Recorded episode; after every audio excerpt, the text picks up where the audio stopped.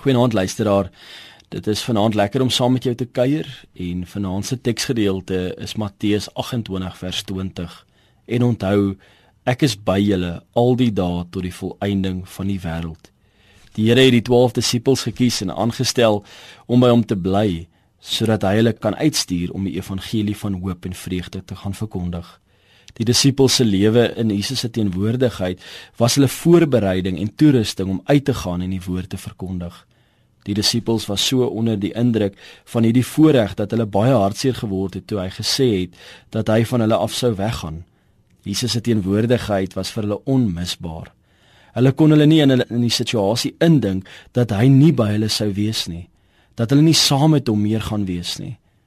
Om hulle gerus te stel het Jesus vir hulle die belofte van die Heilige Gees gegee en die versekering dat hy uit die hemel elke oomblik by hulle sal wees. Sy eerste roeping het nie verander nie om saam met Jesus te wees en nou saam met die groot opdrag kry hulle die versekering van sy blywende teenwoordigheid elke oomblik van elke dag. Daarsonder sou hulle getuienis kragteloos en tot niks wees.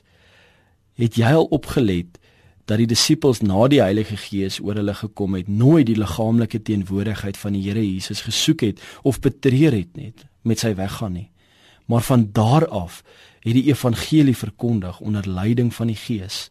As jy elke oomblik Jesus se teenwoordigheid beleef en bewuslik in sy teenwoordigheid leef wat jou inspireer, jou lei en jou krag gee, sal die lewende getuienis dra wat die wêreld so bitterlik nodig het.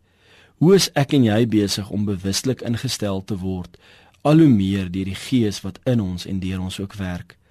Maar as hierdie ervaring verdwyn, is daar een manier om dit terug te kry gaan sit by die voete van die Here sodat hy jou kan optel en jou seën met sy liefde en teenwoordigheid. Matteus 20 vers 28 is troostwoorde vir ons vandag dat die Here elke oomblik by ons is.